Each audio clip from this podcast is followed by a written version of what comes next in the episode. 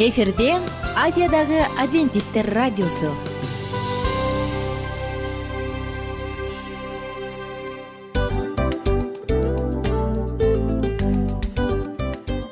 Достор салют. Баардык сүйүктүү угармандарыбызга салам айтабыз. Кутман күнүңүздөр менен. Ден соолук өмүрдүн булагы демекчи саламат саамы программасында баарыңыздарды көргөнүбүзгө абдан кубанычтабыз. Анда алгач амандашып өтөлү арбаңыздар деп. Ден соолугуңуздар кандай элибизде көбүнчө ден соолук кандай дегенде эле жакшы деп жооп беребиз э? ооруп турсак дагы жакшы дейбиз. Анан мен муну айтып ойлойт элем бул абдан сонун сөз депчи анткени бул жакшы деген үмүт да э ооба баары жакшы болот баары сонун. Деп үмүттөнүп атып эле өзүбүздү өзүбүз дарылап коебуз. Анысы кандай? Сиздин дагы ден соолугуңуз жакшы беш деген үмүттөбүз чындыгында ден соолук бул өмүрдүн булагы деп бекеринен айтылган эмес деп ойлойм. Кыргыз элинде анткени эгерде ден соолук жок болсо анда адамдын жашоосунда калган баардык керектүү маңыздуу нерселер өзүнүн баалуулугун жоготуп коет. Ошондуктан ден соолук бул эң керектүү нерсе. Ооба туура айтасың кесиптешим чынында ден соолугуң жок бир эки үч күн ооруп калсаң эле кандай болуп калат? Жашоодо көз каранды болуп каласың көп нерсеге жетишпей каласың көп нерсени кыла албай каласың жада калса эшикке дүкөнгө да чыга албай каласың. Туптуура анан ден соолук болсо демек биз биздин бактыбыз тотой деп койсок болот. Анда достор саламат саамы рубрикабызды баштайлы алдыда өзүңүзгө керектүү болгон сонун кеңештерди уга аласыздар. Мына ошондуктан биз менен бирге болуңуздар. Ал эми биз болсо милан жана айнура. Кеттик алга. Алга саламат саама ден соолуктун жарчысы. Саламат саама ден соолуктун ачкычы. Күн сайын сиз үчүн мыкты кеңештер сонун жаңылыктар кызыктуу фактылар биздин рубрикада.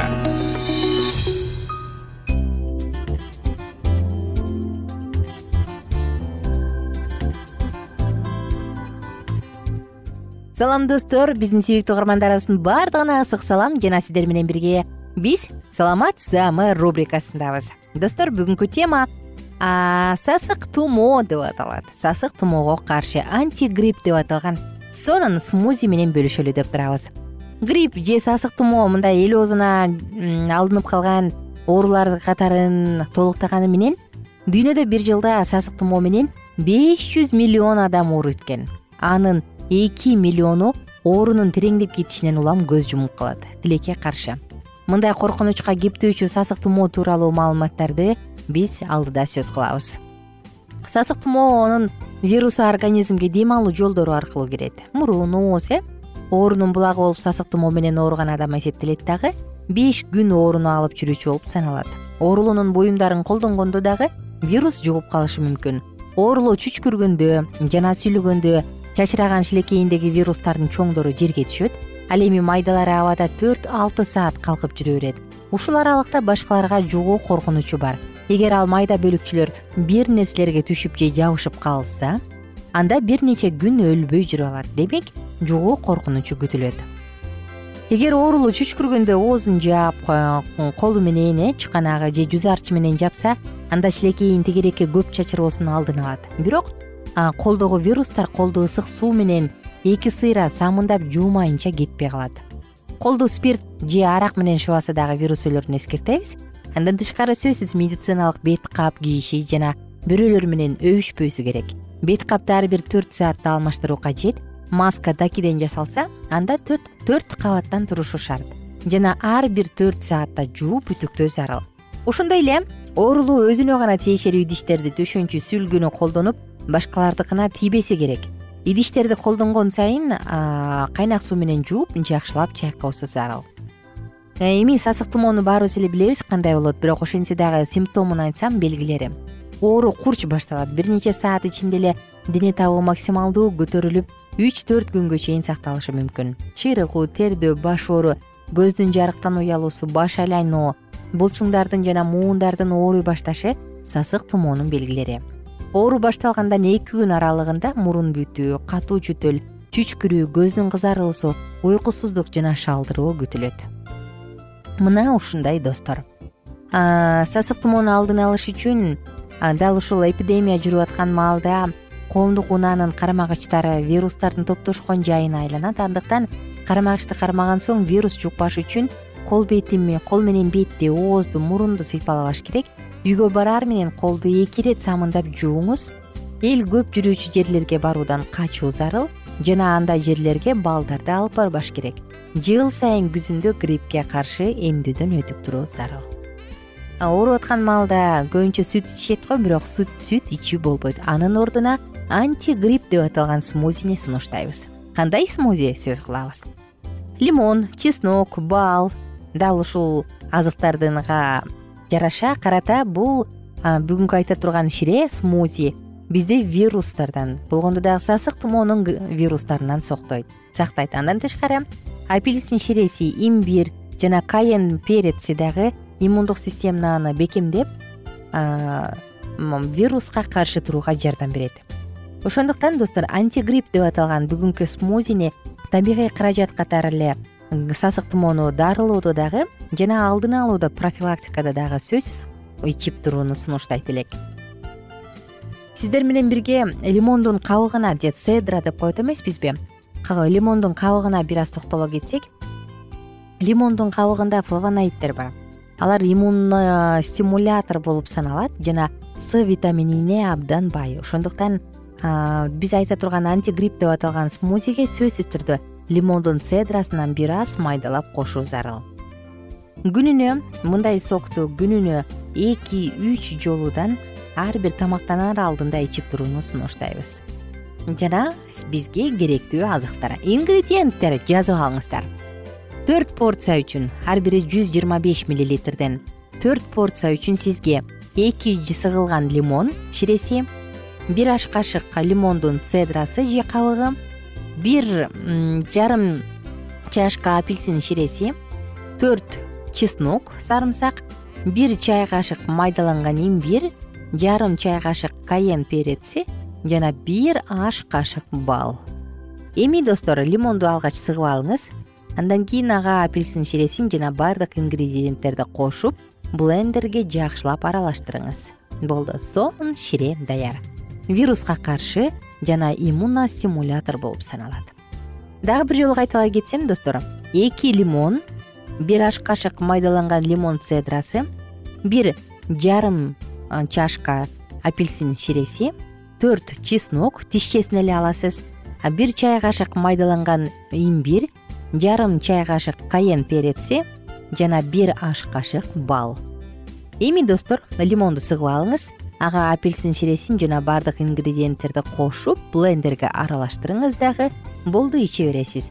Жүз жыйырма беш миллилитр төрт порция үчүн ошондо бул жарым литр суу үчүн шире үчүн бир күнгө жетет. Эгерде сиз ар бир тамактанаар алдында жүз жыйырма беш миллилитрден иче турган болсоңуз бир күндө төрт жолу тамактансаңыз анда сизге кенен кесир жетиши керек.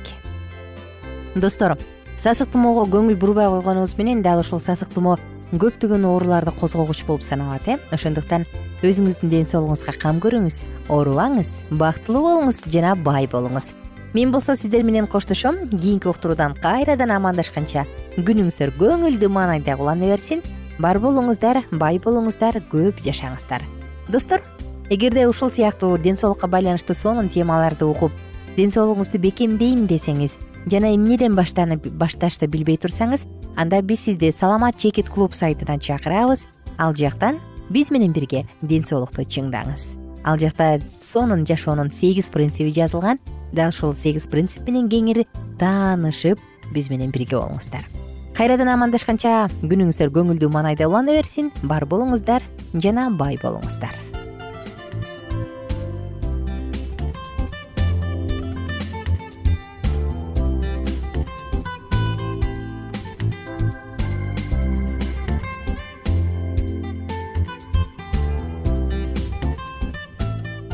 кененирээк маалыматтар үчүн үч w чекит саламат чекит клуб сайтына келип таанышыңыздар.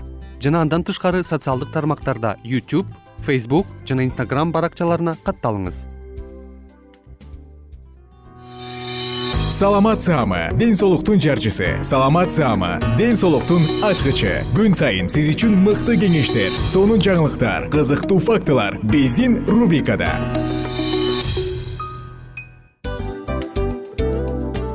салам достор.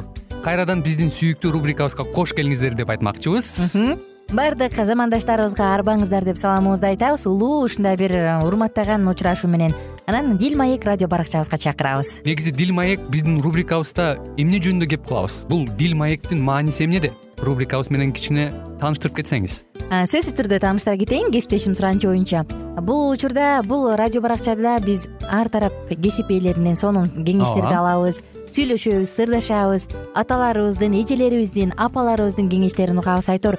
Жан дүйнөгө адамдын э, сапатына адамдын деги эле адам болуп жашашына керектүү баардык кеңештер алдыда. Негизи э, дил маек дегенде баягы эки адамдын ортосундагы сырдашуу кенен сүйлөшүү. Негизи эле биз адамдар бири бирибиз менен бир жерге жай жерге отуруп алып өзүнчө тынч э, жашоо жөнүндө өмүрүбүздө эмне болуп атканын бөлүшкөнү жакшы көрөбүз э адамдар. Ооба туура айтасың анан мындай учурга кээде убакыт да жетпей келет э? Же болбосо сырыңды кайгыңды муңуңду кубанычыңды айткың келет адамга ишенбешиң мүмкүн. Ооба. Бул радио баракча угармандарыбыздын чыныгы досу. Анткени бизден алган кеңеш сиздин жашооңузга чоң жардам берет.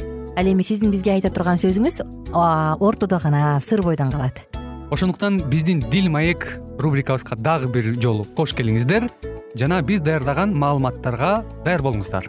Айнура жана милан сиздер менен бирге алдыга кеттик ар түрдүү ардактуу кесип ээлеринен алтын сөздөр жүрөк ачышкан сыр чачышкан сонун маек. Дил маек рубрикасында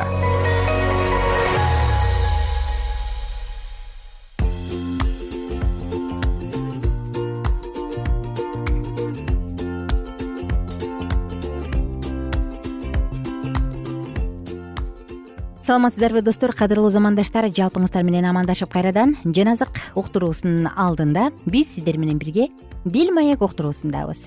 Дил маек маектешүү сыр чачышуу жүрөк ачышуу айтор сиздер менен бирге эң кызыктуу маектин үстүнөн сөз кылчу учурдабыз. Угармандарыбыздын баардыгына ийгиликтүү күн сонун маанай каалоо менен бирге сиздерге албетте достор бул саатта дагы жагымдуу мүнөттөрдү кааламакчымын аял жубай жана эне деген циклды улантуудабыз бул циклда биз тарыхта изи калган ыйык жазуунун бетине түшүп калган аялдар тууралуу сөз кылуудабыз. Бүгүн дагы сиздер менен бирге прискила жөнүндө сөз кылабыз. Римдеги байыркы катакомбалардын бири прискиланын катакомбасы бир жыйынга берилген приска деген ат ошондой эле. Эски жазуулар менен легендалар биздин эранын башында жашап өткөн аялды жыйырманчы кылымдагы адамдардын эсине салат. Тертулиан аны жакшы кабарды жар салган ыйык приска деп атайт. Прискила жакшы кабарды жар салуудагы кызматташ аял ошондон кийин пабл афинден чыгып корнт шаарына келди. Ал жерден ал акила деген понттук бир жүйүткө жолукту пабл корунтта дагы бир нече күн болгондон кийин бир туугандар менен коштошуп сирияга сүзүп кетти. Аполос деген александриялык бир жүйүт келди. Ал сөзгө чечен адам эле. Машаяк ыйсага мени менен бирге кызмат кылган. Прискила менен акилага салам айтып койгула. Римдиктер он алты үч төрт. Азиядагы жыйындар силерге салам айтып жатышат. Теңир жолунда жүргөн акила менен прискила да өздөрүнүн үйүндө чогулган жыйын менен бирге ысык салам айтып жатышат. Биринчи корунттар он алты он тогуз. Тарых аны прискиланы биздин күндөргө чейин жеткирди. Бул анын өзгөчө чыгаан аял болгондугунун күбөсү. Көп учурда анын ысымы күйөөсү акиланын ысымынын алдында тургандыгы дагы ушул жөнүндө күбөлөндүрүп турат анын римдеги жашоосу кандай гана сонун жана кызыктуу болбосун. Биздин эранын элүүнчү жылдары император клавдий баардык жүйүттөрдү римден кууп жибергенде анын мындай жашоосу соңуна чыккан. Прискила менен акела өздөрүнүн мекени кичи азияга сапар тартып баратып корунтка келишти. Жашоо өз нугуна түшө турган эмес бирок кудайдын планы боюнча аларды жаңы белгисиз эң сонун сезимдерге толгон жашоо күтүп турат. Бирок алар муну билишпейт. Алар өздөрүнүн мүлкүнүн баарын римге калтырууга аргасыз болушкан. Ал жакта достору да калган. Ошентсе да күйөөсү экөө бири бирине жөлөк болушат. Буга да шүгүр. Алар үлгүлүү үй бүлө. Анткени жубайлар катары алар бири бирине төөп келип турушат. Кийинчерээк пабл тарабынан жеңил ойлуу корунттарга карата айтылган бул эскертүү аларга да таандык деп айтууга болбойт. Ишенбегендер менен бирге жат моюнтурукка кошулбагыла себеби адилдик менен мыйзамсыздыктын ортосунда кандай жаңылык бар? Жарык менен караңгылыктын ортосунда кандай жалпылык бар? Биз бул жерден ишеними жашоодогу маанилүү маселелери жагынан бири бирин укмуш толуктап турган эки адамдын кошулганын көрүп турабыз. Алар жаңы эле корунтка келгенде ал жакка пабл да келди. Ал алардын эң сонун жөндөмдүүлүктөрүн көрүп алар менен өздөрүн жашоодогу милдети жакшы кабарды жар салуу жөнүндө бөлүшүүгө даяр турду. Таза кандуу жүйүттөр катары бул үчөө тең өнөр үйрөнүшкөндөй. Ал тургай бай окумуштуу жүйүттөр да балдарына кандайдыр бир өнөр үйрөтүштү мүмкүн алар ким уулуна өнөр үйрөтпөсө ал аны уурулукка үйрөтөт деген ойго негиздешкендир. Кол өнөрчүлүк кылуу жакшы иш экендигин назаретти кыйса да иш жүзүндө көрсөткөн жок беле. Бул жубайларды пабл менен байланыштырган өзгөчөлүгү алардын өнөрү болду. Үчөө тең чатыр тиккенди билишет. Алар бирге иштөө менен эле чектелбестен бир үйдө жашашат. Адамды үйрөтүүнүн эң мыкты ыкмасы күн сайын аны менен бирге болуу экенин пабл билген. Ыйсага окшоп ал да келечектеги кызматташтарын ынталуулук менен даярдап жатты. Ошол себептен пабл алардыкына келип жашап калды. Чыгышта бүгүнкү күндө да кездешүүчү бир нече чарчы метр болгон ачык жерде алар бирге иштеп жатышат. Койдун терилери алардын эптүү колдорунан чатыр тиге турган материалга айланууда. Өздөрүнүн болсо маектешип жатышат пабл баарынан мурда ыйса машаяк жөнүндө. Анын дүйнөнүн куткаруучусу экендиги жөнүндө айтып жатат. Жубайлар кудай сөзүн күн сайын угушуп ага ылайык жашаганга үйрөнүшүүдө. Прискила паблдын айткандарын күйөөсү сыяктуу эле таанып билүүгө болгон терең умтулуу менен угуп жатты. Алар пабл менен чогуу сыйынып ишемби күндөрү синагогага барышат. Ал жерде пабл жакшы кабарды жар салат паблдын жашоосунда кыйынчылыктар келип чыкканда алар жардам беришет. Ал үчүн жандарын да аяшпайт. Прискила менен акила ишеним жагынан эле эмес кесиби жагынан да бирдиктүү ошондой эле экөө тең пабл менен дос. Сүйүү жана камкордук жетишпеген пабл үчүн мунун маанилүү болгондугун анын өлөр алдында да аларды унутпай салам айттыргандыгынан билебиз. Прискила ийне жибине чейин билген паблдын жашоосу ага кандай таасир калтырса сөздөрү деле ошондой таасир калтырган.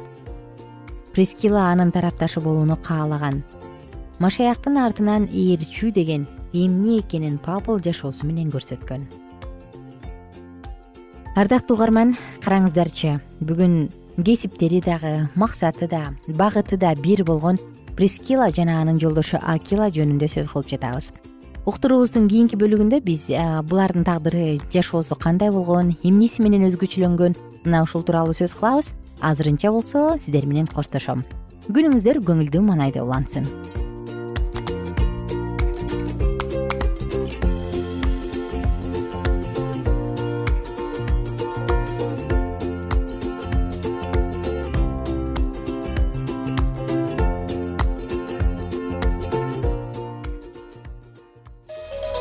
ар түрдүү ардактуу кесип ээлеринен. Алтын сөздөр жүрөк ачышкан сыр чачышкан сонун маек. Дил маек рубрикасында.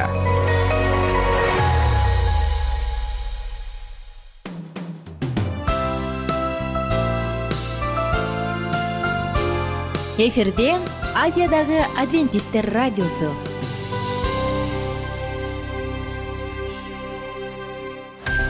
жан дүйнөңдү байыткан жүрөгүңдү азыктанткан жашооңо маңыз тартуулаган жан азык рубрикасы.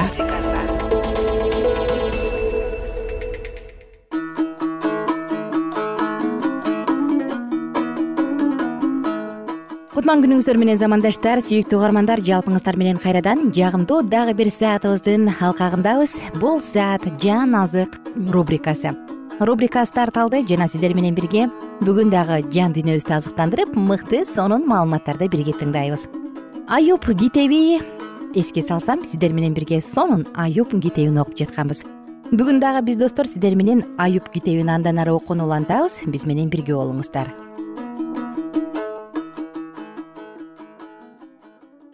Аюп китеби отуз экинчи бөлүм элююнун сөзү аюп өзүнүкүн туура деп эсептегендиктен тигил үч киши аюпка жооп бергенин токтотушту. Ошондо рам уруусунан чыккан буздук барахел уулу элююнун каары кайнады. Өзүн кудайга караганда адилеттүү эсептегени үчүн ал аюпка аябай ачууланды. Эмне деп жооп берүүнү билбей туруп аюпту айыптай берген үч доосуна да ачууланды. Алар өзүнөн улуу болгондуктан элүү аюпка каршы сүйлөй элегиле элүү тигил үч кишинин оозунда жооп жок экенин көргөндө абдан ачууланды. Буздук барахел уулу элүү мындай деп жооп берди. Мен силердин жашмын. Силер карысыңар ошондуктан ыйбаа кылып оюмду айткандан корктум. Мен өзүмчө карылык сүйлөсүн көп жашагандар акылмандыкка үйрөтсүн дедим. Бирок адамга акылды адамдын ичиндеги рух менен кудуреттүү кудайдын деми берет. Көп жашагандар эле акылман боло бербейт чындыкты карылар эле түшүнө бербейт. Ошондуктан мен мындай дейм. Мени уккула мен өз пикиримди айтайын. Мен силер сүйлөп бүткөнчө күтүп турдум силердин пикириңерди көңүл коюп угуп турдум. Силер айтар сөзүңөрдү ойлоп тапкыча күтүп турдум. Мен силерди кадала карап турдум бирок айыптуу эч кимиңер ашкерелеген жоксуңар. Анын сөздөрүнө эч кимиңер жооп берген жоксуңар. Ошондуктан силер биз акылмандыкка жеттик. Аны адам эмес кудай ашкерелейт деп айтпагыла эгерде аюп мага карата сүйлөсө анда мен силерге окшоп жооп бермек эмесмин. Коркуп кетишти жооп бере албай калышты сүйлөбөй калышты. Мен күтө бердим. Алар болсо сүйлөбөй коюшту токтоп калышты жооп бере албай калышты. Ошондуктан өзүм тараптан мен да жооп берейин мен да өз оюмду айтайын. Анткени айтар сөзүм толтура рухум ичиме батпай бара жатат. Ичим оозу ачыла элек шараптай жарылганы турган жаңы чаначтай болуп турат. Сүйлөсөм жеңилдеп калам оозумду ачып жооп берейин. Эч кимге бет карамалык кылбайм эч бир адамга жагынып кошомат кылбайм анткени мен кошоматчылык кылганды билбейм. Эгерде ошондой болсо жаратканым мени азыр өлтүр. Отуз үчүнчү бөлүм. Ошондуктан аюп менин сөздөрүмө кулак сал. Менин бардык сөздөрүмдү ук. Мына мен оозумду ачып жатам. Менин тилим көмөкөйүмдө сүйлөп жатат. Менин сөздөрүм таза жүрөктөн чыгат. Оозум таза билимди сүйлөйт мени кудайдын руху жараткан мага кудуреттүү кудайдын деми жан берген. Эгерде жооп бере алсаң жооп бер даярдан менин алдымда сүйлө. Кудайдын алдында мен да сендеймин мен да сага окшоп топурактан жаратылгам. Ошондуктан менден коркуп тынчың кетпесин менин колум сен үчүн оор болбосун. Сен менин кулагыма сүйлөдүң мен сенин сүйлөгөнүң үнүңдү уктум сен мен тазамын кемчилигим жок күнөөлүү эмесмин менде жалганчылык жок бирок кудай мендейин айыптапты мени өзүнүн душманы деп эсептейт. Менин буттарымды көзөнөк жыгачка салып менин бардык жолдорумду карап турат дедиң. Сенин ушинтип айтканың туура эмес. Мен сага муну далилдеп берем анткени кудай адамдан жогору. Эмне үчүн сен аны менен айтышып жатасың ал өзүнүн иштеринин биринин да эсеп кысабын бербейт. Кудай бир жолу айтат. Эгерде аны байкабай калышса экинчи жолу. Түшүндө түнкү көрүнүштө адамдардын баары уктап жатканда төшөгүндө үргүлөп жатканда айтат. Ошол учурда ал адамдын кулагын ачып өзүнүн насаатын куят. Адамды кандайдыр бир жаман иштен буруп кетиш үчүн жана анын текеберлигин жок кылыш үчүн анын жанын туңгуюктан сакташ үчүн жана анын өмүрүн кылычтан өлүүдөн сакташ үчүн ушинтет же болбосо ал оору аркылуу сай сөөгүн сыздаткан оору аркылуу төшөктө жатып эсине келет. Анын нанга көңүлү чаппай калат жаны жактырган тамакты жээрип калат эти качат көрүнбөгөн сөөктөрү көрүнүп оркоюп чыгат. Анын жаны көргө өмүрү өлүмгө жакындайт эгерде анын адамга түз жол көрсөтүүчү миңдеген периштелердин бири болгон насаатчы периштеси бар болсо кудай ага боор оруп аны көрдөн куткар мен анын жаны үчүн төлөнүүчү кун таптым дейт. Ошондо анын денеси жаш кезиндегиден да жаш болуп калат. Ал өзүнүн жаш чагына кайрылып келет. Кудайга сыйына турган болсо ал ага ырайым кылат. Ал анын жүзүнө кубаныч менен карайт адамга адилдигин кайра берет. Ошондо ал адамдарга карап мындай деп айтат. Мен күнөөгө батып чындыкты бурмалагам бирок жазаланган эмесмин. Ал менин жанымды көрдөн куткарды ошондуктан менин өмүрүм жарыкты көрүп жатат кудай адамга ошонун баарын эки үч жолу кылат. Анын жанын көрдөн алып калыш үчүн жана тирүүлөрдүн жарыгы менен жарык кылыш үчүн ушундай кылат. Көңүл бур аюп ук мени үндөбө мен сүйлөйүн. Эгер айтар жоогуң болсо айт сүйлө. Анткени мен сенин актанышыңды каалар элем. Эгер жок десең анда мени ук унчукпа. Мен сени акылмандыкка үйрөтөм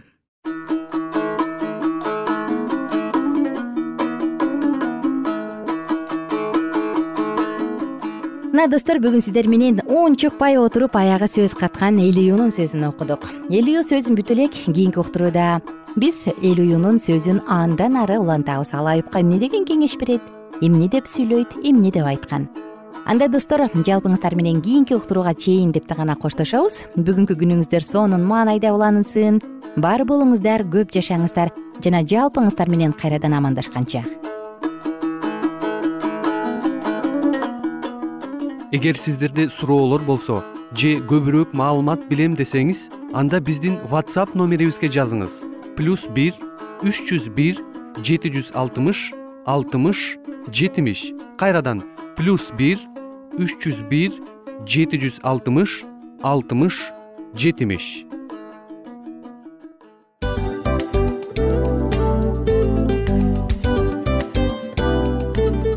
мына ушинтип убакыт дагы тез өтүп кетет экен биз дагы радио уктуруубуздун аягына келип жеттик. Келип кубандырдыңар эми кетип кубандыргыла деп тамашалап калышат эмеспи анысы кандай?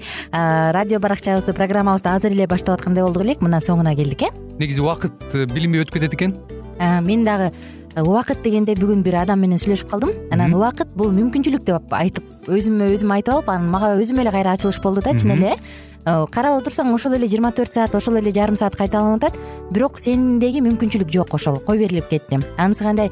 Бүгүнкү сонун убактыңызды алтындай болгон жарым саатыңызды бизге бөлүп арнаганыңыз үчүн ыраазычылык айтабыз. Анан жашооңуздун кайсы бир сферасын өзгөртө турган сонун пайдалуу кеңеш алган болсоңуз анда биз максатыбызга жеттик.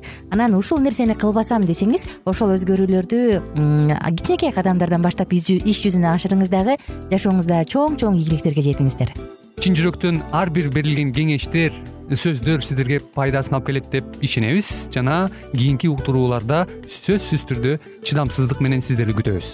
Сагынычтуу салам айтып кайрадан дал ушул жыштыктан баардыгыңыздарды тосуп алганча. Кызматта мен айнура жана кесиптешим милан.